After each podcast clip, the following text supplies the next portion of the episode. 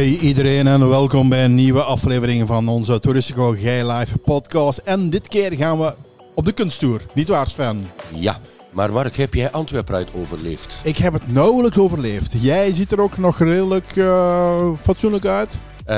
Um, het is wat dat je ervan denkt. Een geluk dat er geen beelden bij deze podcast zijn. Ja. Hartelijk welkom iedereen. Welkom bij Touristico Gay Live.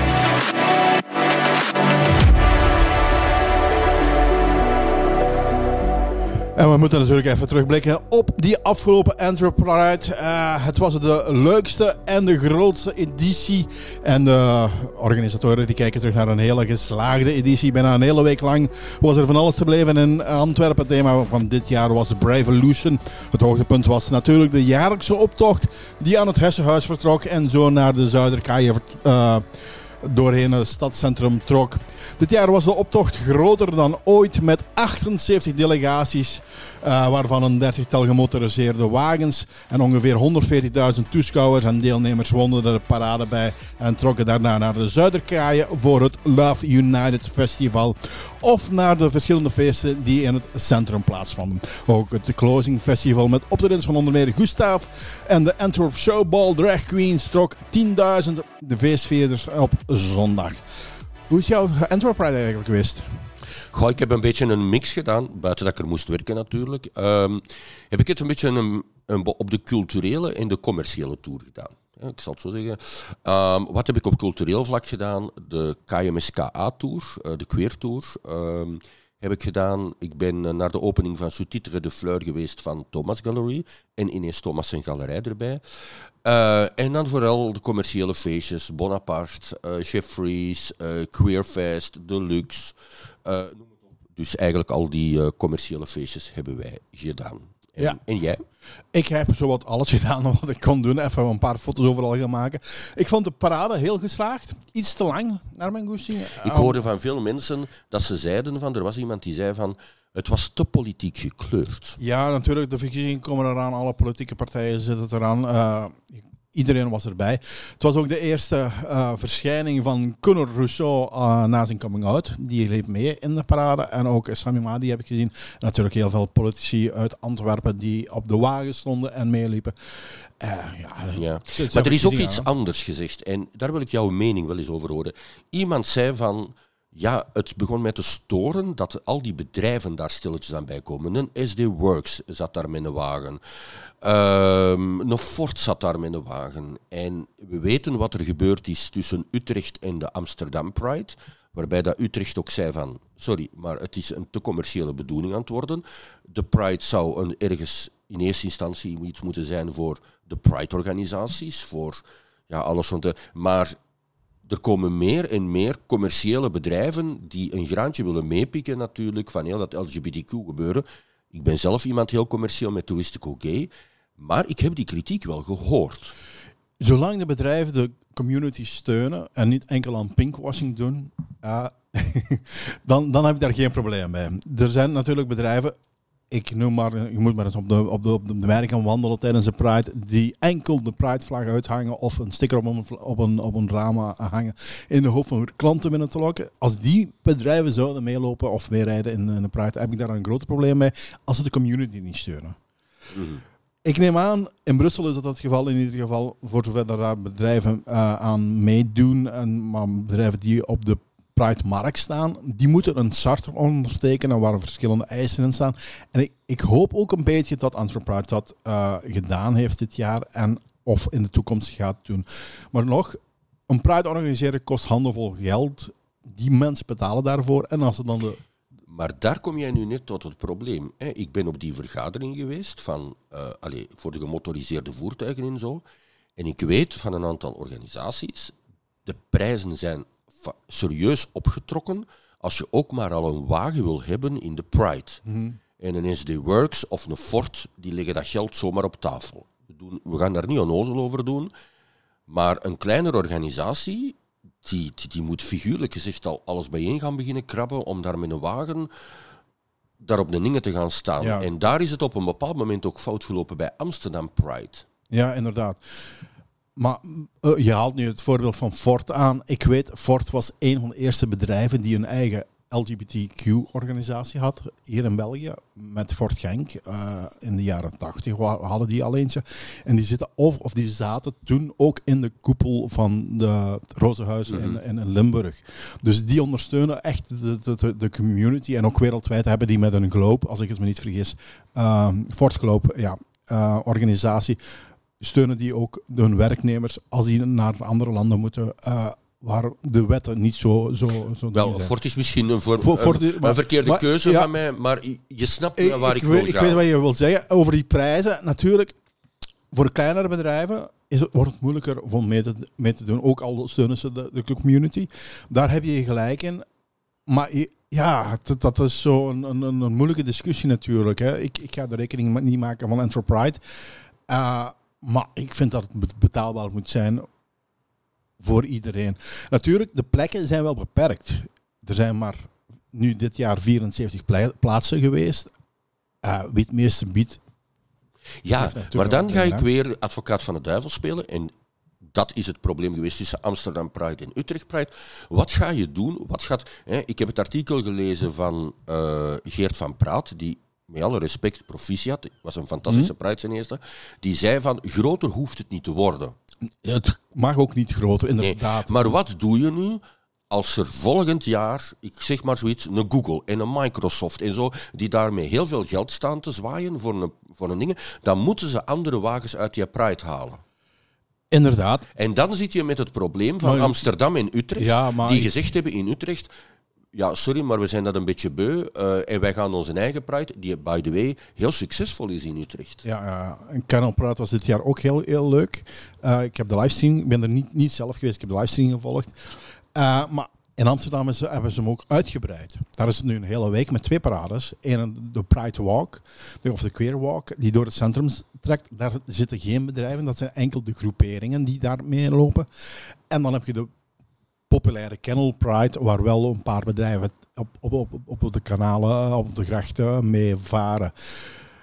Het is een moeilijke discussie. Enerzijds heb je natuurlijk geld nodig om, om een Pride-optocht te kunnen organiseren. En anderzijds moet je natuurlijk ook wel ruimte laten voor de verschillende groepen. Uh, en voor de verschillende uh, eh, LGBTQI-letters in het, in het, alfa, in het regenboogalfabet. Mm, mm.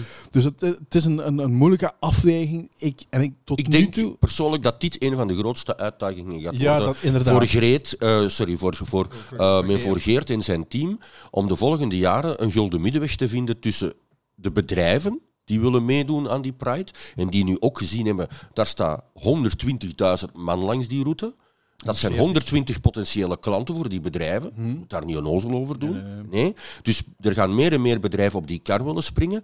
Maar hij moet, hij moet ergens een gulden middenweg vinden dat hij niet de, de, de gewone organisaties en de LGBTQ-mensen eh, tegen de borst gaat stoten. Dat die op den duur zeggen van ja, wij hebben gewoon de financiën niet meer om mee te doen met die Pride. Inderdaad. Ik persoonlijk, al, over die, die, die uh, commerciële afslag, of als ik het zo mag noemen, van de Pride, heb ik niet zo, zozeer problemen mee. Ik heb wel meer met de politisering van die, van die Pride. Ja, dat klopt. Problemen. Dat klopt. Ik vind dat men daar echt uh, op een bepaald moment paal en perk uh, aan moet stellen. Want ik ben eens benieuwd als volgend jaar de verkiezingen voorbij zijn, hoeveel van die wagens daar nog in die Pride gaan liggen rond, ja. rondtoeren. En je kun je natuurlijk ook wel de vragen stellen waar, of sommige partijen nog wel in die Pride behoren. Een mooi voorbeeld is de NVA. Bart Wever is nu momenteel een, een oorlog tegen woke bezig. Uh, en eigenlijk, als je de LGBTQ-geschiedenis bekijkt, dat is één verhaal van woke zijn. Ook, uh, ik, zeg maar, Theo Franke haalt regelmatig uit op zijn Twitter-account naar LGBTQI mensen en thema's. Die, en uh, ik, ik vind niet dat de NVA echt, maar dat is een persoonlijke mening, echt nog in een Pride thuis hoort op dit moment. Ja. Vroeger hebben ze wel gesteund, maar ik begin daar steeds meer mijn twijfels over te hebben. Uiteraard hangen ze ook weer af van subsidies. Hè? Inderdaad. En dus het is, ook weer, het is ook weer een verhaal van geven en nemen. Je hebt natuurlijk ook weer het verhaal dat er hier in um, Antwerpen een VA-burgemeester is. En dat je daar niet buiten kunt als, mm. als organiserende stad om mee te doen. Maar uh, de Pride, de Antwerp Pride, is niet meer Antwerp Pride. Het is een nationale Pride geworden, meer mm. en meer. Verdrinkt hij ook die van Brussel, heb ik het gevoel.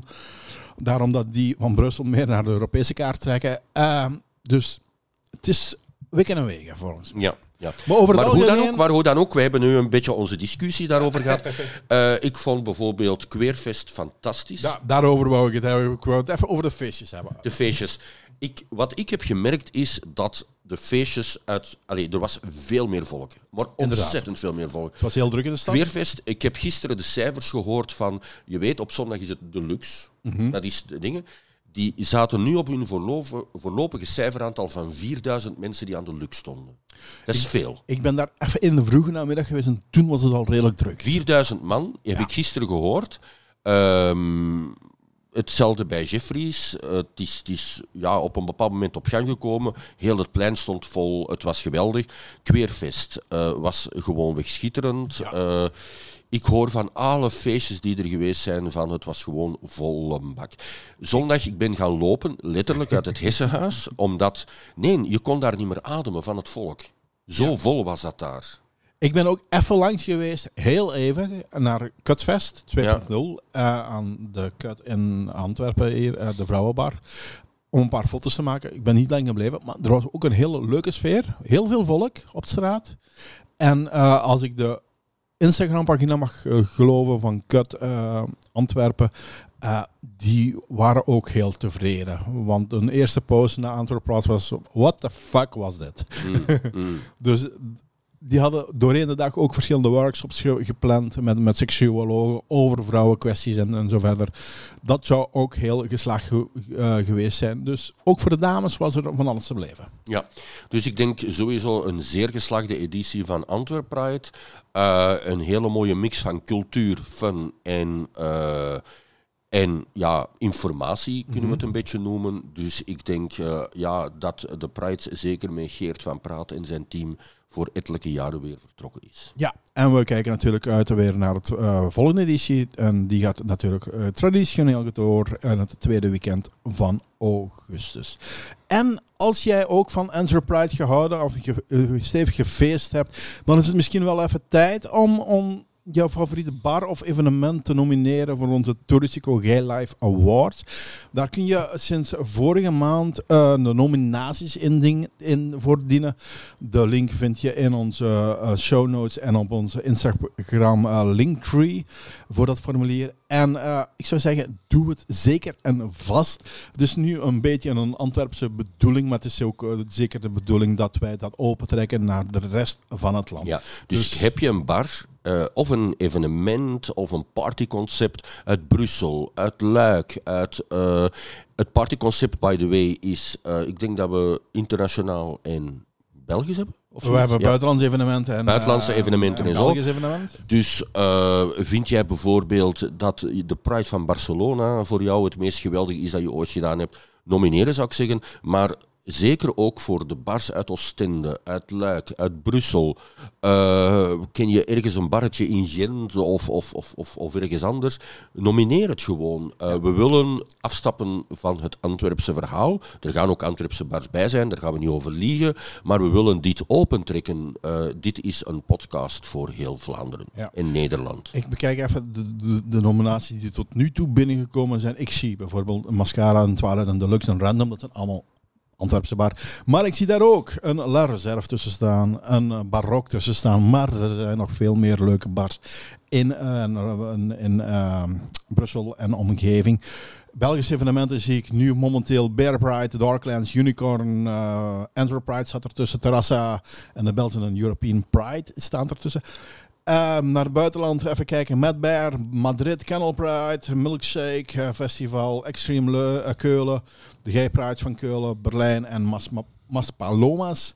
En uh, nog heel veel meer. Maar dus de meeste, of zo, ik zou zeggen, de evenementen en de zaken die de meeste stemmen achter hun naam zijn, krijgen tot half september kunnen ze nomineren. Die kunnen ook kans, of die maken ook kans op een van onze awards die we op het einde van het jaar weer uitreiken. Ja, en dus tot half september kunnen jullie stemmen. En daarna gaan wij de lijstjes samenstellen en bekendmaken. En dan volgt de definitieve strijd. De battle of the bars en de battle of the events. Dus allemaal surfen naar onze linktree op Instagram of even de show notes raadplegen. Daar vind je het formulier ook, of de link naar het formulier ook in tot slot uh, nog even twee korte nieuwsberichtjes. Na bijna 30 jaar verdwijnt het Holibi magazine, het LGBT-magazine Zizo. Het uh, huisblad van Savaria is dat de laatste jaren bracht uh, Savaria na het schrappen van de papieren versie nog enkel online verslag uit van wat leefde in de LGBTQ-gemeenschap. In 1997 kwam Zizo zelf even in het oog van een mediastorm terecht toen ze enkele reden van de popformatie Get Ready als homo-auto. En ze maakte uh, de cirkel helemaal rond, want in het laatste nummer staat een interview met de heren van Get Ready. dus, uh, maar uh, helaas, na alle mooie liedjes komt een eind. De laatste paar jaar verscheen het magazine nog enkel digitaal en daaraan komt er nu dus een einde. En uh, Oeganda die krijgt geen geld meer van de Wereldbank. Um, de reden hiervoor is de in mei goedgekeurde anti-LGBTQ-wetgeving, waardoor het land homoseksuele data en relaties nog zwaarder gaat bestraffen. Die waren reeds verboden in Oeganda. De nieuwe strafwet legt gevangenisstraffen op die tot levenslang kunnen oplopen en in zelfs in eh, sommige gevallen zelfs tot de doodstraf kunnen leiden. De Wereldbank stuurde onlangs een team naar Oeganda dat moest onderzoeken of er bij de regels moesten komen die ervoor moeten zorgen dat alle door de Wereldbank gesubsidieerde projecten overeenkomen met de milieu- en sociale normen van de Wereldbank. Dat is duidelijk niet het geval en daarom krijgt het land de komende jaren dus geen nieuwe leningen meer. Good work, uh, Wereldbank zou ik zeggen. En er zat ook weer de komende weken en de komende maanden van alles op de agenda. Ja, ik heb er een paar uitgekozen voor jullie voor de periode tot 15 ongeveer tot 15 eh, september. Zijn er een aantal leuken. Uh, het blijft maar Prides uh, regenen. Maar ik heb er twee uitgepikt. Wie graag naar Londen wil gaan, die kan op 20 augustus naar de UK Black Pride in Londen. Op 26 augustus is er de Manchester Pride. En dan gaan we naar uh, Sitges. Van 1 tot 11 september is er de Bear Week in Sitges. Ook wel vrij leuk. Uh, als je dan een beetje uitgefeest bent, dan heb je een paar dagen rust. En dan kan je naar Europride Valletta in Malta. Die loopt van 7 tot 17 september. En ja, we kennen allemaal Folsom. Ja, inderdaad. Ja, wel. Je kan eerst naar Folsom Berlin gaan. Die gaat door op 9 september. En wil je uh, even verder Folsom vieren, dan kan je naar San Francisco gaan op 24 september. Iets dichter bij huis is er uh, Barry Tales.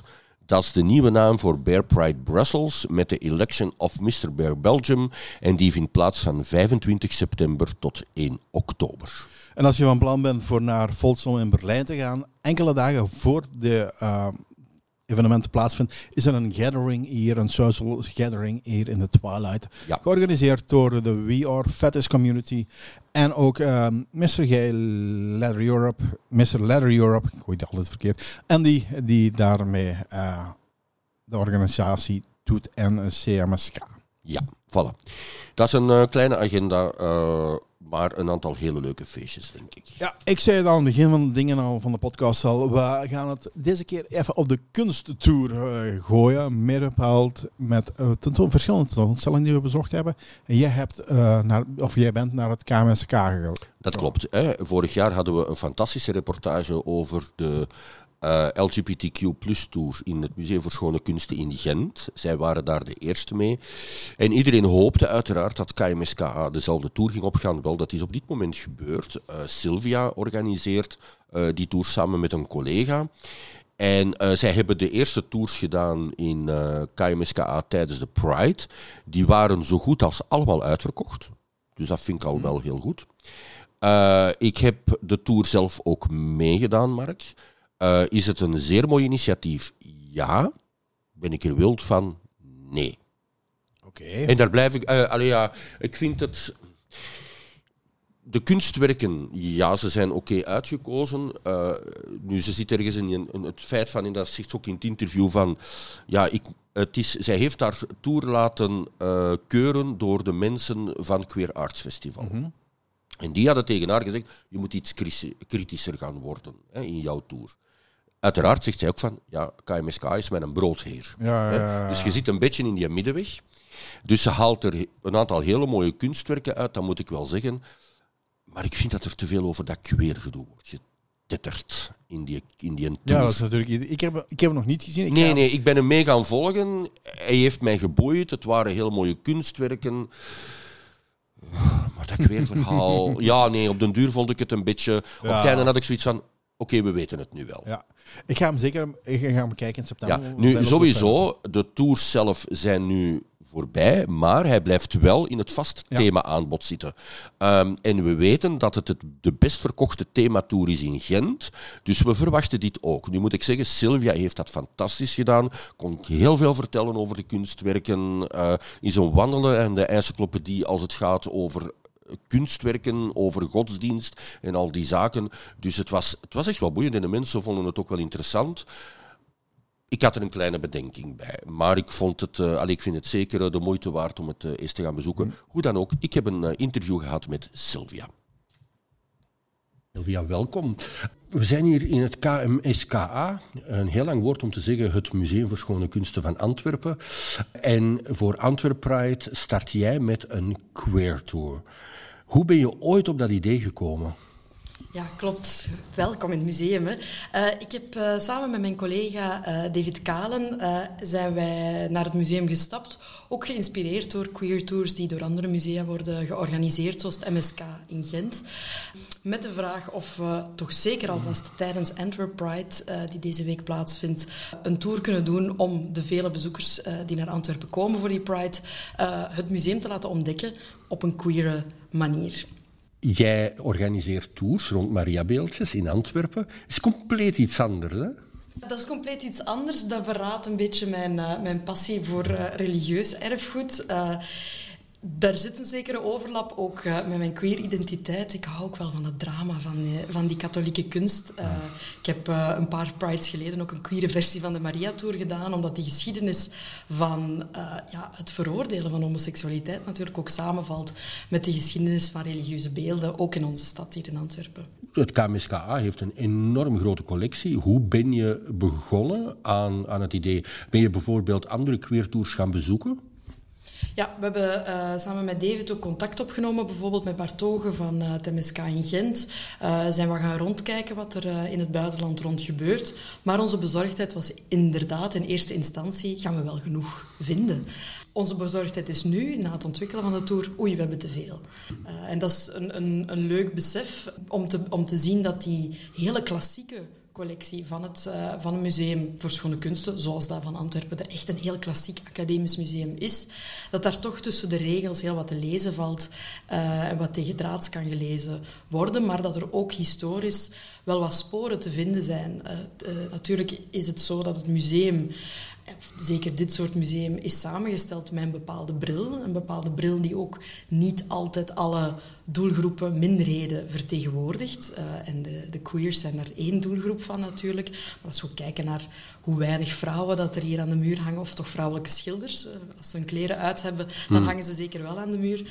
Um, dat we zien ja, dat we die, die, die samenstelling van het museum ook zichtbaar kunnen maken. En dat dat geen objectieve oefening is, maar ja, een oefening die het gevolg is van structuren die in de maatschappij bestaan. Hmm. En dat we door een tour te doen in dialoog met zo'n soort collectie, uh, die structuren ook kunnen aankaarten. Wat kunnen mensen verwachten? Welk soort schilderijen of kunstwerken kunnen mensen verwachten van deze queertour?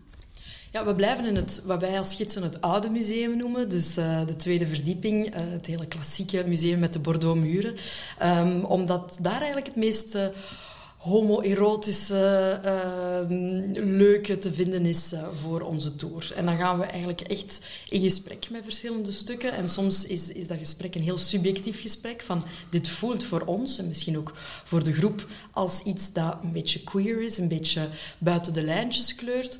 En soms gaan we een, echt een historische lezing ook geven uh, die gaat over ja, wat weten we uit de biografie bijvoorbeeld van een bepaalde kunstenaar, welke sporen zijn daarin te vinden, die misschien doorheen de geschiedenis zijn weggevaagd, maar die we terug proberen bloot te stellen. En de grote rode lijnen door de tour zijn natuurlijk het idee dat gender een, een constructie is, iets dat uh, onderhevig is aan culturele, maatschappelijke veranderingen.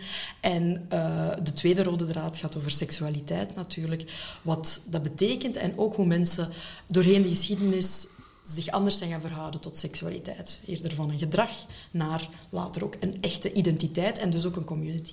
Nu, ik weet vorig jaar in Gent, uh, Bart vertelde mij van, ja, we hebben een aantal proefrondleidingen uh, gedaan met uh, LGBTQ plus mensen. En die waren redelijk kritisch. Hoe hebben jullie dat aangepakt? Wel, dat was een hele leuke dag. Uh, onze try-outs uh, die we hebben georganiseerd. Enerzijds in samenwerking met Queer Arts Festival, die ook deze week uh, natuurlijk van start gaan en een, een lab hebben. Dus samenwerken met jonge kunstenaars die gecoacht worden, um, die dus zelf ook een artistieke praktijk hebben. En we hebben hen de tour voorgelegd, de collectie voorgelegd en wat wij erover willen vertellen. En dan zijn we ook op stap gegaan met een groep van zeer diverse mensen uit de queer community, van zeer activisten academisch, tot uh, ja, eerder het, een soort ja, door de band genomen publiek. En dat was heel interessant. En inderdaad, um, die kritische noot is er ook. En die verwachting hebben we zelf ook gecreëerd. Want als je een tour queer noemt, uh, ja, queer heeft voor een aantal mensen, en als je dat gaat bekijken in de literatuur, een geladen politieke uh, betekenis. Een betekenis die gaat over het toch alleszins benoemen en eventueel in vraag stellen van machtsstructuren rond seksualiteit, rond gender, uh, die in een maatschappij bestaan. En als je die niet aankaart, is de tour misschien zelfs niet helemaal queer. Dus zij hebben ons echt aangemoedigd om er toch nog iets meer um, ja, dat systeemkritische, uh, die normen in vraag te stellen, om dat er echt in te steken. En dat was, uh, dat was een uitdaging, om, omdat je ook altijd als gids bij je werk moet blijven, bij wat je kunt zien. maar ik denk dat die Trials Tour echt hebben verrijkt. Hoe was de visie van het KMSKA? Wel, het KMSKA is, is uh, betrokken geweest, uh, is uh, meteen ook enthousiast geweest door het voorstel. Ze zijn zelf ook bezig met werken rond diversiteit en werken rond het binnenbrengen van groepen in het museum die misschien niet traditioneel vertegenwoordigd zijn door het museum. Um, en het is belangrijk ook om daarbij te onthouden dat we niet kritisch zijn ten opzichte van het museum, maar dat het museum gewoon dingen reproduceert die in de maatschappij sowieso niet goed zitten eh, of toch uh, kunnen geproblematiseerd worden. Um, en dus ik hoop dat dit het begin kan zijn van een gesprek dat hier binnen het museum ook gevoerd wordt met queer personen, met minderheden, met mensen van kleur enzovoort. Om uh, ja, in het vervolg niet alleen een queer tour te doen met wat er aan de muur hangt, maar verder na te denken van hoe kunnen we het museum ook een plek laten zijn waar mensen, waar iedereen zich ook wat in herkent. En dat is, hmm. als we nu door de gangen lopen, niet altijd het geval. Eh, hoe zit het met Antwerp Pride? Kunnen mensen nog boeken bij jullie? Wel, we zijn heel blij, maar we vinden het ook jammer om te moeten zeggen dat de tour uh, is volgeboekt, zo goed als. Er zijn nog enkele plekjes vrij. Er zijn ook nog zeker wat plekken vrij voor de Engelstalige tours. Uh, die data vind je terug op de website van het KMSK bij de zomerplanning. Um, we zijn ook blij om te kunnen zeggen dat de tour ook in het vaste aanbod wordt opgenomen. Er zijn al twee thematische tours in het museum. De geschiedenis van Antwerpen en de vrouwentour, die uh, ons publiek misschien ook zal interesseren. En er komt dus een derde bij, die queer tour, die vanaf september gewoon te boeken is via de website. Bart vertelde mij dat de, uh, dat de LGBTQ-tour in Gent de best verkopende thematour is van Gent. Dus maak je borst maar nat, hè? Ja, ik hoop dat wij binnen een paar maanden hetzelfde kunnen zeggen natuurlijk. Uh, ik denk dat het succes nu al met die Antwerp Pride uh, ja, daar ook al voor spreekt. En uh, dat we daardoor ook naar het museum kunnen stappen en zeggen, kijk, die nood was er. En we zijn blij dat het museum meer doet dan een regenboogvlag aan de deur hangen, maar ook echt binnen het museum dat gesprek opent. Oké. Okay. We wensen je heel veel succes met de tour en een geweldige Antwerp Pride. Dankjewel, ook een fijne Pride voor jullie. Het klinkt dus, wel interessant, moet Ja, het was interessant en ik vond ook wel dat ze ook eh, kritisch was in het interview. Dat vond ik ook wel interessant. Uh, laat ons heel eerlijk zijn, het is een geweldig initiatief en we zijn ook blij dat dat doet. Dus mensen, alsjeblieft, als je de kans hebt om er naartoe te gaan, ze hoopt ook van open tours te kunnen organiseren. Uh, dus ja, die gaan er misschien ook wel aankomen. Zeker boeken of als je met een groep bent, uh, zeker doen. Ja, en het blijft dus lopen als een van de vaste tours. Uh, ja, het wordt een van de vaste thematours, klopt. Ja. Dus de, iedereen dus naar het KMSK in uh, Antwerpen hier. Ja, uh, maar jij bent een... Naar Galerij 10 geweest op de Grote Markt. Ja. Van... Ik, ik, wist niet dat er nog een galerij tussen de terrasjes zat verstopt. Maar blijkbaar wel, wel als ik nu zeg van Peter Platel, ken je die? Ja, qua naam. Ja, je kent hem waarschijnlijk wel van De Heren maken de man vroeger. De Vlaamse versie van Queer Eye for the Straight Guy. En ook van um, de Wacko Hairdress Salons. Uh, wel, hij heeft nu zijn leven helemaal omgegooid en hij is kunstenaar geworden. Hij maakt collagekunst, hele mooie stukken. Uh, ik ben zondag even langs geweest. Uh, Peter heeft zich dus ongeveer drie jaar geleden helemaal geheroriënteerd, zoals ze dat noemen, en is nu kunstenaar. De afgelopen weken tijdens Enterprise opende hij zijn tentoonstelling in de galerij Grote Markt 10. Hij heeft zich gespecialiseerd in collagekunstwerken, waarin hij op een eigenzinnige manier kijkt naar de verschillende onderwerpen waar hij als homoseksuele man doorheen zijn leven te maken heeft gekregen. En uh, ik ben dus zondag even langs geweest uh, met Peter en ik vroeg hem hoe het hoe hij als kunstenaar aan de slag is gegaan. Oeh, uh, de, waar ben ik door geïnspireerd geraakt? Natuurlijk eerst en vooral, we waren drie jaar... Ik had mijn zaken verkocht, dus ik had veel tijd. En um, ik heb mezelf toegelaten om even terug te herbronnen, helemaal naar 00000 en kijken wat er dan gebeurt. En hetgeen wat eerst terug begon te kriebelen, in midden corona natuurlijk, was um, creativiteit, omdat er dan veel tijd en veel rust was. Dus ik heb veel tijd gehad om creatief na te denken. En ik, wou, ik voelde er een hele grote drang om te gaan creëren. En um, voor de hand liggend natuurlijk als kapper dat je mijn schaar aan de slag gaat, want ik dacht altijd dat ik niet goed kon tekenen. En ik had mezelf heel lang overtuigd dat ik dat niet kon. En stapje voor stapje voor stapje ben ik, ben ik dan toch gaan beginnen experimenteren. En zo ben ik bij collage terechtgekomen. En ik heb eigenlijk heel snel doorgehad. Er zijn heel veel aspecten aan collage wat ik heel interessant vond. Het recyclerende aspect, het verhalende aspect, het activistische aspect. Dus er zijn heel veel dingen in, dat, in die wereld. Als je met collage begint, je brengt iets uit verschillende tijdschriften, uit encyclopedieën, uit kranten bij elkaar. En door het samenvoegen van die elementen krijg je totaal nieuwe verhalen. En dat is iets wat mij mateloos is gaan boeien. En, en ja, ik ben daarmee aan de slag gegaan. En dan, voilà, 200 stuks later staan we dan hier op de tentoonstelling. Er zitten ook hele aparte lijnen in. Ik, ik herken jouw rebellie tegen het katholiek eh, leven. Ook de drag queens komen er natuurlijk de homo-wereld. Vertel eens even, van, van waar komt dat allemaal? Wel, dus zoals ik al zei, in mid-corona is er, na, na, mijn bedrijf, is er heel veel tijd gekomen om na te denken. En um, ik ben zelf nu 56. Ik ben even oud als mijn moeder toen ze overleden was. Dus ik, heb heel veel, ik ben heel veel gaan nadenken over het leven, over, over zingeving, over van alles en nog wat. En dingen waar ik mee geconfronteerd werd en word. En, en um, dat in combinatie met de creativiteit heeft mij eigenlijk zo gezegd van oké, hier kan ik iets mee. En, en um, het verhalende, het vertellende heeft mij altijd heel erg geboeid. Um, dus dat was eigenlijk een heel natuurlijk proces. Zo van, je, je, gaat die dingen bij elkaar brengen en die, en die verhalen die ontstaan. Die, en de ene keer is het grappig, de andere keer is het licht en luchtig. Maar eigenlijk bij alles wat er hangt, zit er wel een heel stevige boodschap achter. Het zijn allemaal wel dingen het is eigenlijk een uitnodiging tot vraagstelling. Hè. Dat zijn uit die drag queens die hangen, dat zijn de, dat zijn de mensen van RuPaul van vroeger. Uh, maar de overkant hangen dan hè, mannen die, uh, die refereren aan de landen waar de doodstraf nog gehanteerd wordt en zo. Dus, dus die, die, die narratief ontstaat door te zoeken. Hè. En ik kom daarmee in contact, want veel mensen denken van ja, je gaat collage maken, je gaat zitten, ik heb een onderwerp en zo ga ik dat doen, maar zo werkt dat helaas niet. Hè. Ik bedoel, um, ik maak niets digitaal en ik zoek niets op de computer. Dus alles is, is tijdschriften, vintage, uh, gerecycleerd, oud materiaal. Dus het moet ook op je pad komen, hè, want soms heb je ideeën, maar die komen niet op je pad. Dus je moet werken met wat je krijgt. En ik werk vaak aan verschillende series tegelijk en dan ontstaat het wel, heel organisch. In de kelder hangen enkele collages met oude foto's van Paus, van en van priesters. Heb je een, een, een fobie aan katholicisme? Het scheelt niet veel. Um, ik kom met een... Mijn grootvader was, was koster, de laatste van de generatie. Dus de familie Platel heeft op ons dorp altijd kosters aangeleverd. En gelukkig was mijn vader de eerste die gezegd heeft van dit gaan we niet meer doen.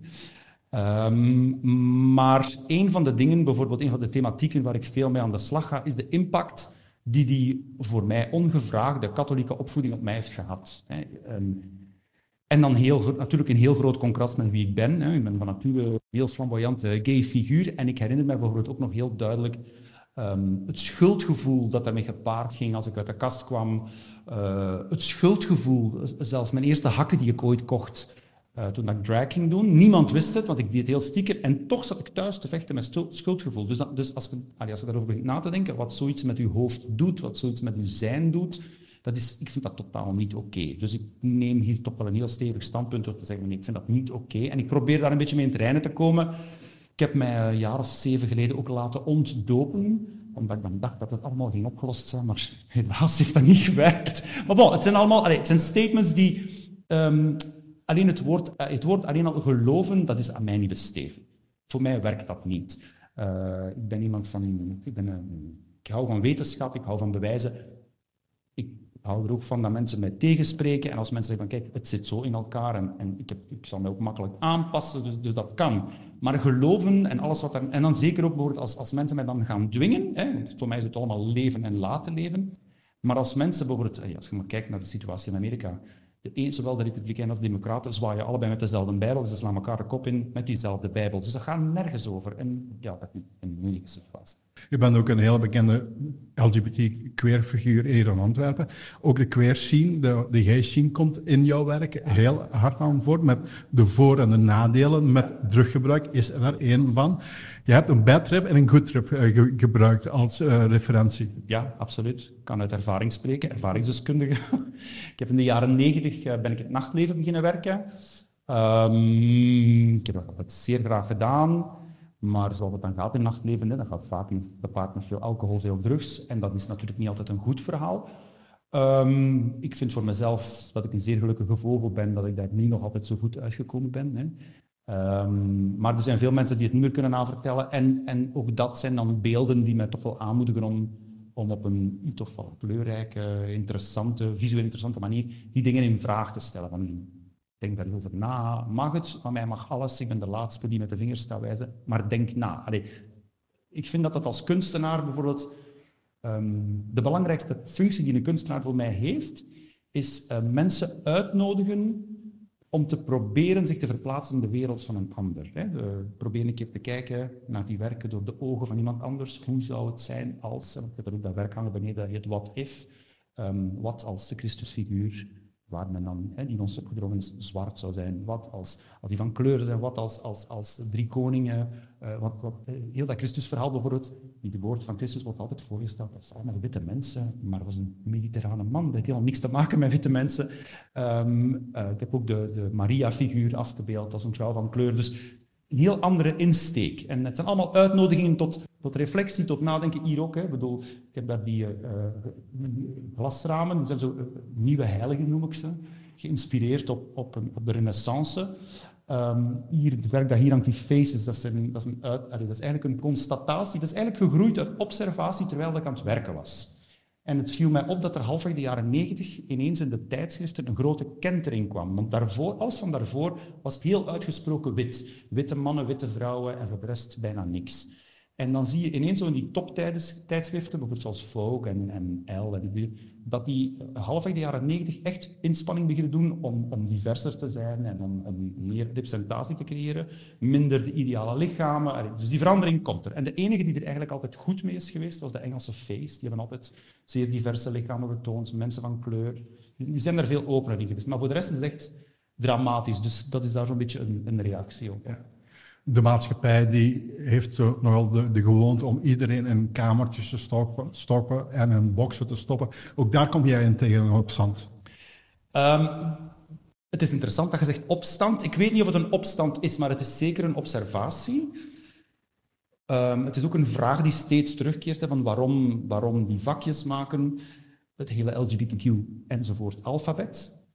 Sommige mensen zijn tegen, sommige mensen zijn voor. Ik heb voor allebei de kanten argumenten, dus ik, heb niet specifiek gezegd van ik ben daar tegen, omdat ik, ik merk bijvoorbeeld dat veel jonge mensen het interessant vinden dat ze bij een groep terechtkomen waar ze zich thuis voelen. En daarvoor zijn die boxjes natuurlijk makkelijk. Boxen kunnen ook helpen ehm, om dingen te begrijpen voor sommige mensen. Maar boksen kunnen natuurlijk ook weer afscheiding creëren. Dus het is, het is een vraagstelling. Ja. Ik neem geen pro- of contra-standpunt, want het is een interessante vraagstelling. En ik heb ook heel, het grote schilderij, de, de box die er hangt, um, zie je ook heel veel verschillende figuren. Dus eigenlijk is het een beetje binnenkijken in kamers. En eigenlijk is ook in elke kamer nog een ander leven met een ander verhaal. En welk leven en welk verhaal, dat mag de toeschouwer zelf invullen, maar er is nog heel veel verhaal bij. Je, je, je pakt ook de, de verschillende variaties in de fetish world en, en, en, en dingen en de LGBTQ community aan. Was het belangrijk voor jou om dat te tonen, ja. dat die bestaan? Ja, absoluut. Ik probeer zoveel mogelijk letters erin te betrekken. En als, als ze dan praten over boksen, dan probeer ik heel duidelijk um, zoveel mogelijk representatie te hebben. Ik, weet, ik heb ook fouten gemaakt. Hè. Bijvoorbeeld uh, de reeks die hier hangt over de doodstraf. Heeft ooit met iemand attent opgemaakt van uh, er zit niemand van kleur tussen. Zeer terechte opmerking, zeer terecht. Dus ik heb die opmerking direct meegenomen en ik probeer daar zeer goed op te letten nu om meer representatie te hebben. We moeten allemaal leren. En ook, het zijn groeiprocessen, die werken zijn drie, vier jaar oud. Dus, uh, maar als mensen een waar, daar een waardevolle opmerking over hebben, probeer ik dat ook mee te nemen. Dus ik doe echt mijn best om die representatie te hebben. Maar het is collage, dus je moet natuurlijk ook zien wat er op je pad komt. Het is niet altijd, je kan niet altijd kiezen. En ik vertik het om um, dus computerwerk te doen, want het zou natuurlijk makkelijk zijn om te zeggen, ik heb dit en dit en dit personage nodig, ik ga ze afprinten. Maar dat doe ik niet. Eerst en vooral, vind, allee, ik ben geen computergeek, dat is al het eerste. En uh, ook puur technisch, als je gaat printen, um, is de lijm, uh, de, de, de, inkt waarmee je print, is niet zo duurzaam. Dat is zaak. Nog even kort, tot wanneer kunnen ze hier komen kijken? Uh, de rest van de maand, tot 3 september, elke vrijdag, zaterdag en zondag. Van 13 uur tot 18.30 uur is de tentoonstelling open. En uh, als mensen met mij een babbeltje willen doen, ik ben hier meestal elke zondag. Dus uh, iedereen van harte. En ze kunnen je natuurlijk ook volgen op sociale media. Absoluut. Ze kunnen mij vinden op Instagram onder de naam Peter Platel of onder Queer Collage Art. Mensen feedback, vragen, iedereen welkom. Nog even vermelden dat Peter eind vorig jaar ook met zijn werk What If een publieksprijs kreeg tijdens de Nationale Expo in het KMSK A in Antwerpen. Waar hebben we die naam nog gehoord vandaag? En de tentoonstelling More Queer Art Perspectives loopt dus nog tot 3 september in Galerij Grote Markt 10 hier in Antwerpen. Meer informatie vind je natuurlijk in onze show notes, waar ook de link staat, of in onze linktree op onze Instagram pagina. En we blijven in de galerijen. Ja, en jij hebt al twee keer KMSKA gehoord? Ik ga het nog een derde keer doen.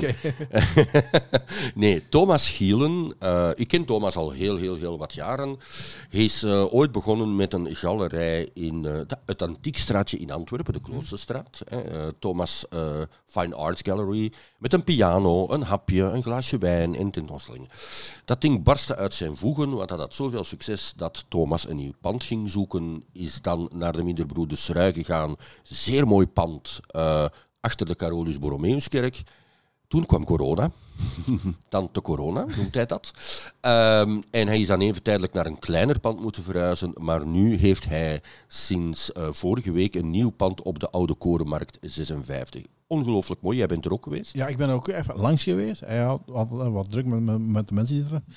De galerij is heel mooi, maar jij bent ook naar, naar een nieuwe Ik ben ook naar de tentoonstelling geweest. Um, Sous-titre de Fleur was zijn uh, ja, tentoonstelling die hij deed voor Antwerp Pride, waar ook een deel van de gelden ging naar de organisatie, uh, of naar verschillende verenigingen binnen het Roze Huis. En de verkoop van de kalenders ging integraal naar uh, Antwerp Pride. Nu, ik had vooral een gesprek en met dat ik zei van KMSKA. Thomas werkt voor KMSKA. Het is een kleine familie daar ja. bij KMSKA. Nee, ik, had een, uh, ik ben onder meer naar de opening geweest. De opening werd gedaan door de welbekende Jean-Marie Pfaff. Mm -hmm. Nu vraag, wat is de link tussen Thomas en Jean-Marie? Uh, Thomas is zeer sportief aangelegd en hij speelde in zijn jeugdjaren voetbal bij de ploeg van, van. Nee. Ja, dat is ook wel, maar... nee, uh, je weet dat, Tom, uh, dat Jean-Marie Pfaff een eigen museum heeft? Ah nee, dat wist ik niet. Ja, in Beveren. Oké, het Jean-Marie Pfaff Museum. Ja, ja. ja waarschijnlijk. En eh, hij had een telefoontje gedaan naar de mevrouw van KMSKA en zei van, weet jij iemand die mij kan helpen, want ik heb geen verstand van kadertjes ophangen. Zo heeft hij het letterlijk Ah, gezegd. dus eh, Thomas is... En Thomas nagels. is dan, en daarop heeft Jean-Marie gezegd van, dan wil ik iets doen voor jou. Nu, de reportage met Jean-Marie Pfaff, Die ga je volgende keer horen. Ik kan je vertellen, het was een hele leuke reportage. Maar ik heb het nu vooral gehad met Thomas over zijn carrière. En geloof me, ik heb heel veel respect voor die jongen, hoe hij dit allemaal heeft aangepakt. Thomas, ik herinner mij 2016, Kloosterstraat. Ik woonde zelfs in die straat. Ben jij ooit begonnen met jouw galerij? Eh, ik heb er nog een heerlijk glas wijn gedronken. Hoe ben jij ooit tot dat verhaal gekomen? Ja, het is namelijk zo, als je een galerij begint, is cliënteel maken niet gemakkelijk. Het is een, een eh, vak apart. Maar wat dat iedereen wel kan stimuleren, is een leuk streepje muziek en een glas wijn, terwijl genietend naar van de kunst. Dus had ik er niet beter op gevonden om in mijn galerij een bar te steken. En die bar die zorgde natuurlijk voor eh, ja, heel veel bezoekers en dat ik ook mijn cliënt, klantenbestand op een heel snelle manier kon doen groeien. Van waar die passie rond kunst? Eh, Mijn grootvader van papa's kant, dat was een kunstschilder. En van mijn mama's kant, die deed in eh, kunstwerken en antiek veilen. En eh, heel, veel, heel veel gezien en geleerd, van techniek tot aan de veiling. En bijgeschoold en zo verder. En ja, dat zit erin en dat gaat er gewoon niet uit. Dus eh, heb jij zelf iets gedaan rond kunsten qua studies?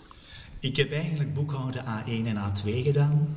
Ik heb eh, hotelmanagement ook bijgedaan, omdat mijn moeder had een hotel en een restaurant. En eh, daarnaast eh, heb ik nog kunstgeschiedenis bijgestudeerd. Dus ik heb vier modules kunstgeschiedenis bijgestudeerd, wat dat ook nu maakt dat dat wel helpt in mijn job. Je bent dan begonnen in 2016 aan die galerij. Van waar het idee van een galerij te openen? Want het is geen eenvoudige business. Hè? Er zijn ontzettend veel galerijen in Antwerpen. Van waar het idee om daar dan mee te beginnen? Ik heb ooit eh, het geluk gehad in 2018 om naar het zuiden van Frankrijk te werken en voor Art Fair Monaco te mogen gaan werken. Ik heb daar ook eh, even gewoond en geleefd en dat heeft mij nog meer geprikkeld van wat ik al thuis had. Handelen, ik ben een, ik ben geboren handelaar, ik handel heel graag, maar ik ben nog be- graag meer, eh, liever bezig met handelen in mijn eigen vak, in mijn eigen passie. En als je op Fair Monaco mag gaan werken, hè, dan zie je zoveel en dan word je zo hard getriggerd dat ik eigenlijk ook wel dadelijk heb besloten van dit wil ik ooit proberen. En nu ja, ondertussen doe ik het al bijna acht jaar.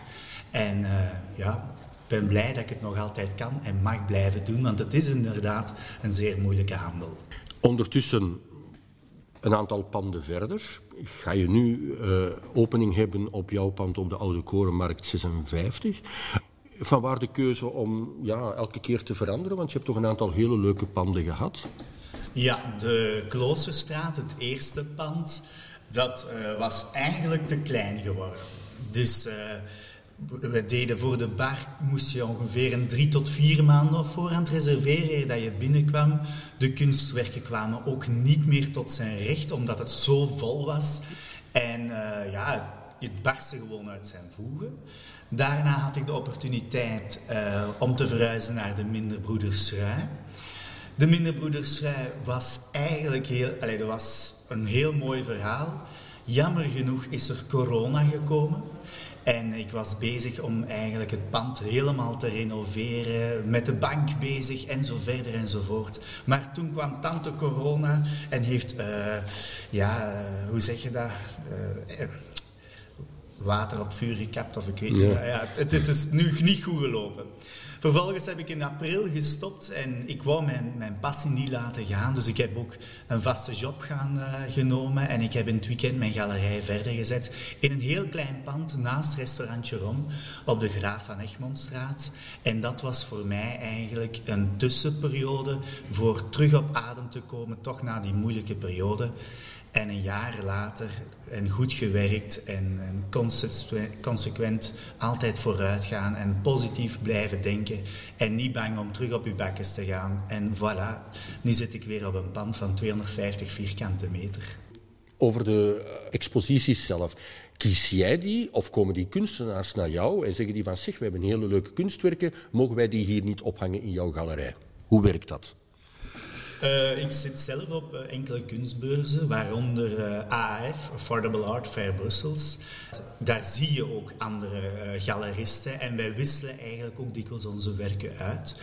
Maar als ik op vakantie ben naar verveling van mijn man toe, elke galerij dat ik passeer, moet ik binnenstappen. En leg ik ook snel contacten met andere kunstenaars of andere galerijen en kom ik ook andere kunstenaars tegen. Wat dat ook maakt als ik een kunst, kunstenaar vind of een kunstwerk zie en ik ben daarin geïnteresseerd, dan ga ik ook altijd op zoek naar die persoon zelf. Ik zal nooit niet uh, een kunstenaar, met een kunstenaar samenwerken waar ik zelf geen goed gevoel bij heb. En kunst, ongeacht welke materie het ook is, kunst is liefde. En die liefde Iedereen wordt verliefd op een bepaald persoon of stijl of smaak of dergelijke. En dat is bij mij ook. En mijn cliënteel dat ik heb, heeft uh, genoegen met de keuze die ik heb. Ik kijk natuurlijk ook naar techniek en hoe dat het afgewerkt is.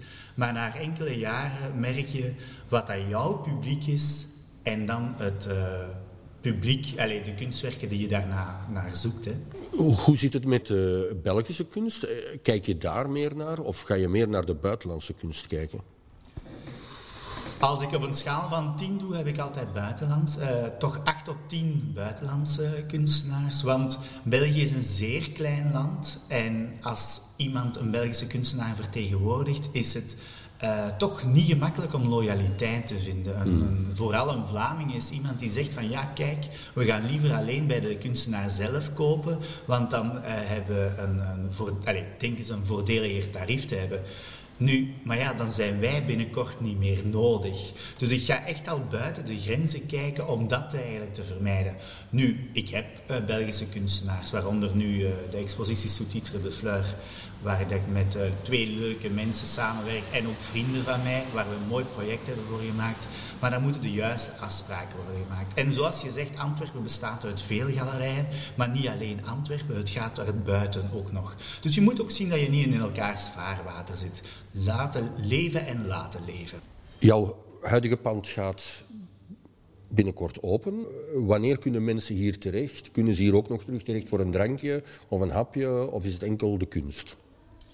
Uh, weg. Dus ik ga nu binnen enkele dagen open met de grote opening. Uh, maar tijdens de Pride Week, omdat het uh, Pride Expositie is, het is echt wel een werk. Het zijn echt werken die gemaakt zijn voor en door de Pride. Uh, door de Pride niet, maar die richting uit. Dus ben ik 7 op 7 open. Dus hele Pride Week ben ik open. Maar dan ben ik open alleen op zaterdag en zondag. Van 11 uur tot 7 uur in de avond. En een oude korenmarkt, heel veel restaurantjes. Dus ik blijf iets langer open. Zodanig mensen die naar hun restaurant gaan toch even nog een bezoek gaan doen. De, de evenementen wat ik vroeger deed met live muziek en dergelijke uh, na heel veel vraag en heel veel wanneer doe je terug en dit en dat, heb ik toch besloten om terug evenementen te gaan doen. Niet meer zoals vroeger. Ik doe het nog twee keer per maand zelf. Ene zondagnamiddag en ene zaterdagavond. Die data staan op onze website. Uh, en daarbuiten kunnen mensen nog afhuren voor kleine privéfeestjes. Dus je kan in de galerij kleine privéfeestjes doen. En dan doen we dat zoals vroeger. De live muziek, de grand piano, zingen, lachen en dansen in een mooi kunstig decor. Kunnen mensen op voorhand reserveren voor jouw twee evenementen die je per maand doet? En via welke weg? Ze kunnen inderdaad reserveren. Dat kan via onze website. Daar staan de data op waar je kan uh, uh, op inschrijven. Ook onze kerstedities, onze bekende kerstedities komen er weer aan. We hebben drie kerstshows deze jaar. Ik noem dat kerstshow. Het is een beetje Samson en Gert, maar het is wel heel plezant. Die staan op de website en zo kan je ook reserveren. En wij laten ook maar 30 mensen toe. Hmm. Vol is vol. Je kan niet zomaar op straat zeggen, oh, kom, we gaan bij de Thomas nog eens binnen. Zoals dat vroeger was. Dat kan ik helaas niet meer doen, want ik wil toch de galerij op een hoogwaardig niveau kunnen houden, onderhouden. En als er 40, 50 mensen zitten, dan is dat voor niemand niet meer leuk. Nog eens zeggen naar de luisteraar, www.thomasgallery.be, daar kunnen ze alle informatie ja, terugvinden. En als dat even te snel was voor jou, kun je ook in de show notes de link vinden naar Thomas Galerij. Nog even zeggen, uh, mensen die Soutiter de Fleur nog willen bezoeken, die kunnen dat tot mijn 27 augustus. Dus je hoort het enkel nog in het weekend. Uh, en uh, je kan alle informatie terugvinden op de website. We gaan die met een link zetten. Uh, ding. En wij willen vanuit Toeristico Live Thomas heel veel succes wensen met zijn nieuwe galerij. Jij bent ook meteen naar die eerste tentoonstelling, Soutitere de Fleur, gaan ja, kijken? Dus Soutitere de Fleur, ik heb een interview ook gehad met Nisha Rotboom en Philip Orens, die, uh, zoals Thomas zei, echt samen heeft gebracht, die elkaar niet kenden, samen heeft gebracht en daar is dat project uitgekomen. Philippe Nisha, welcome. Sous-titre de Fleur, it's uh, the new exposition for Antwerp Pride. How did you come to the idea to do that exposition here in the Gallery of Thomas?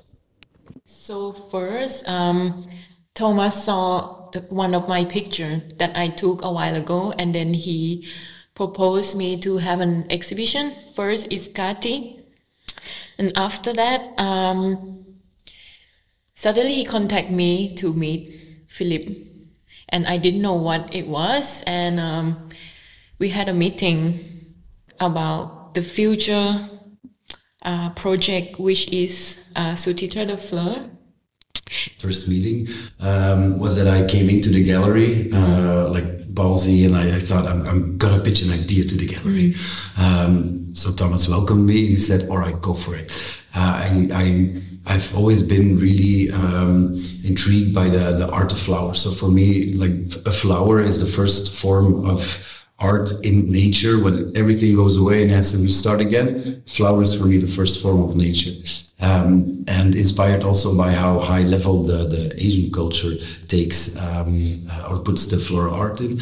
I went to the gallery and it said, I want to be on that level. I want to be a florist, but I want to be mainly a floral artist who makes flowers, sculptures, flower interiors, uh, whatever. But I want to make um, an art uh, exhibition with flowers, sculptures, hanging things. Um, how do you feel? Because that's what I want to do. That's what I want to work out. And uh, Thomas said, all right, but then we need a very big gallery for that. Um, you are an unknown artist in the beginning of your career. So how do you feel about a photography exposition? Which um, I said is for me a very good start because then I can I can work with flowers, see how that how that goes, and find myself a bit in the art world. First, we went into uh, fashion photography. Then I went into uh, editorial photography, uh, but they didn't really capture the the emotion that I wanted to put in my work as a florist. And then Thomas said, "You know what? Why didn't we think about that?" I have um, somebody who I'm doing an exposition with. It's all about movement. She's a dancer from the ballet. She's also a photographer. She captures movement so well, and when you describe it, it suddenly pops. You should meet her. Mm-hmm. That's when uh, we contacted Nisha. Uh, and when we had actually the first meeting, um, yeah, and from the first meeting, uh, it was it was straight on. We felt each other. There was there was a click between you. Had the pictures in my head, like since the first time he talked about it, I'm like, I want to make this project. yeah, she said it's so cool. It's such a coincidence because I've always wanted to do something with flowers, and I never knew how I should combine it with my work. And actually, it suddenly came together. And then Thomas said, for the gallery, it's a very likely possibility to make a second exposition following up on the first one. And in our story, uh, we said, yeah, it's actually perfect because I want to do emotion Nisha does movement, and that's how we said from motion comes emotion, which was immediately the theme of the of the summer season of the gallery. And then we um, we said, what what what do we need to call the exposition? Yeah, so mm. the dancers. Um, the feeling that I wanted to create, I told Nisha and the dancers.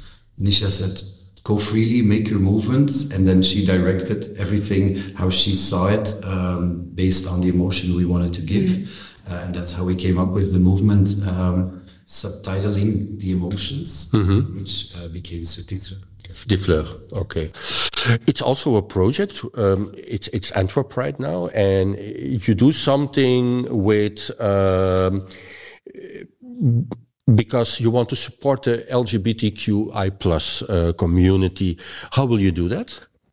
Basically, it's the interrupt me whenever you want to say something. But uh, basically, it's about the the theme of every work. It's been based uh, because first we said we're gonna we're gonna do it around emotion, and then what about the timing? And then we also me and Thomas have our gay heritage, of course. Uh, we went through all all the problems, but then again, we're not the only ones. It's not only gays who uh, go through emotional problems, and so we made it wider. Um, and that perfectly fit the theme of the gay pride, like brave Bravevolution, be yourself, an inclusive um, society in general, have respect for each other, which has always been the message, of course. Um, but every work represents an emotional or an emotion, an emotion or an emotional state of mind um, that we all go through. So the if you look at every work, if you read every text, you will find that it completely matches the theme mm-hmm. of the gay pride, and that's why we all uh, decided to do it at this period. Um, and also, yeah, that's how we came up with the, the thing of donating um, a piece to the to the pride, to the calendars, and also uh, to the Rosa House. Okay, Nisha, you are I think you are very happy now with this exposition. Are you so pleased that you say, okay, let's think about new ideas together? I, I really love working with him. Like I feel like we understand each other a lot and we try to solve the problems. Um, and it always worked in the end. Because you can do a lot with flowers, huh? Yeah, we can do a lot. Um, and yeah, so for future, I don't know. It could be something together, but not the same. Maybe not photography, but yeah, it would be nice to work with him again. Same question about you, Philip. Well, um, uh, I've always had a corporate background, um, and uh, I already have a few ideas which I want to reach in the coming three years. Uh, so I am uh, very sure that Misha uh, fits into at least one of them. okay. When can people visit your exposition here at Thomas Gallery? Um, from I think from uh, the eighth we open at um, one until seven, and that uh, goes on for two weeks uh, daily. And then uh, after those two weeks, um, I need to check with Thomas. But uh, when the gallery opens, it's between one and seven uh, until the third of September. Okay, I both wish you very good luck and a very good Pride. Thank you. Happy Pride as well. Bye. Het uh, klinkt allemaal interessant. Ik heb ze even gaan bezoeken. Ik, het is niet echt mijn smaak, moet ik zeggen. Ja, maar dat is, ik weet niet, kunst, hè, dat is een beetje. Dat is heel, dat is heel subjectief. Ja, inderdaad. Hè? Bijvoorbeeld, uh, ik geef dat eerlijk toe, ik ben fan van Jan Schijrs zijn kunstwerken. Ik ken mensen die zeggen, ik vind daar niks aan. En maar ik ben bijvoorbeeld wel fan van Jan Schijrs zijn kunstwerken. Dus ik vind kunst, vind ik zo, ja, ik vind iedereen. Ik vond de kunstwerken wel mooi. En ik heb in zijn galerij ook andere hele mooie dingen ja, staan. dat wel. Uh, Tja, dat, ja. de ene vindt dat mooi, de andere vindt een toneelstuk mooi en iemand anders zegt van, oh, trekt op niks. Maar dus eh, dus uh, je vindt alle links van deze aflevering terug in onze linktree op onze Instagram of in de show notes. En dus ook de links naar Thomas Galerie en zo titelen De Fleur vind je Oké. Mark, we gaan om, om, voor af te sluiten nog eens even reclame maken voor onze ja. Toeristico OK Live Awards. Dus, dus, voor mensen die zeggen, kom aan mensen, uh, nomineren, nomineren. Uh, kom daarna niet zeggen, hoe komt dat dat mijn bar er niet bij zat? Ja, omdat je niet genomineerd hebt. Hoe komt dat dat mijn evenement er niet bij zat? Omdat je niet genomineerd had. Dus, alsjeblieft, heb je een leuke bar uh, in België, niet enkel in Antwerpen, Brussel, Leuven, Luik, noem het op. Nomineren. Heb je een leuk binnenlands evenement dat je wil, dat hoeft niet in Antwerpen te zijn, dat mag overal zijn. Heb je een buitenlands evenement dat je wil nomineren, waar dat je dit jaar naartoe bent geweest, lekker uit de bol bent gegaan en hebt gezegd van hier kom ik de komende tien jaar terug.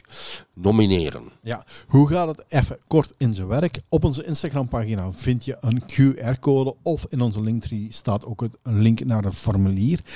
Als je die scant, die QR-code, dan kom je dus naar dat formulier en daar kun jij jouw favorieten ingeven voor de volgende categorieën. LGBTQ horecazaak, LGBTQ Belgisch evenement, LGBTQ buitenlands evenement, LGBTQ toeristisch evenement. Even verduidelijken, dat zijn echt rondleidingen, tentoonstellingen. Ja, bijvoorbeeld de, de, de queertour van KMSKA is een toeristisch evenement. Uh, zeg je van een... een, een ja. of, of die tentoonstelling in uh, Brenonk, het fort van Brenonk. Ja, uh, nee, Kazerne Ah, Kazerne Het fort van Brenonk niet, hè, jongen? ja, sorry, sorry. maar zeg je nu, ja, ik heb een leuk party-evenement, dat hoort bij evenementen. Dus toeristisch evenement is echt een rondleiding, is een tour, is een toeristische attractie. Je kan ook een toeristische attractie. Want, Mark, wat vind je hiervan? Walibi. ja, ik ben naar Walibi geweest. Blijkt dat die daar een hele queer... Um, ja, dat die daar een hele queer... Uh, uh, collectie hebben. Ik vond ze wel leuk. Ja, maar, dat, maar zeg je bijvoorbeeld, ja, ik ben naar de, de, de Queer Day geweest, naar de LGBTQ Day geweest van Walibi toeristische activiteit. Ja, inderdaad. En tenslotte kun je ook nog kiezen voor de LGBTQ Party Concept. Dat zijn dus twee, vier, vijf uh, categorieën die jij kunt bepalen of kunt nomineren daarvoor. Eentje kun je niet nomineren. Dat, Icon of the Year. dat zijn de Icons of the Year. Um, die houden we in eigen beheer. Waarom ja, en we kunnen al zeggen, het gaan Clippers worden dit jaar. Het wordt, het wordt spannend. Het wordt heel spannend, want we hebben... Ja, ik vermoed dat het een spannende strijd gaat worden. Maar meer daarover hoor je natuurlijk in onze volgende aflevering. Je kan stemmen tot de week voor de 15e. Want in die week nemen we onze nieuwe podcast op. En dan kun je die ook verwachten vanaf de 15 september. En dan maken we bekend wie de nominaties zijn of de genomineerden zijn in LGBTQ horecazaak, LGBTQ Belgisch evenement, Belgisch, uh, buitenlands evenement, toeristisch evenement en partyconcept. Ja, en in februari hebben we weer onze Darkness uitzending. En daar worden de winnaars bekendgemaakt. Januari. Januari, januari, januari, januari. Sorry, ik zit nog met Antwerpen praatje met de kop.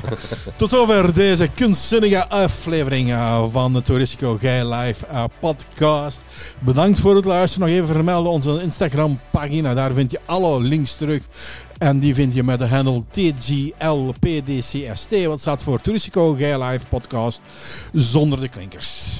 Heb uh, nog een leuke vakantieweken en wij horen jullie heel snel terug. Bedankt voor het luisteren. Tot volgende keer. Dag.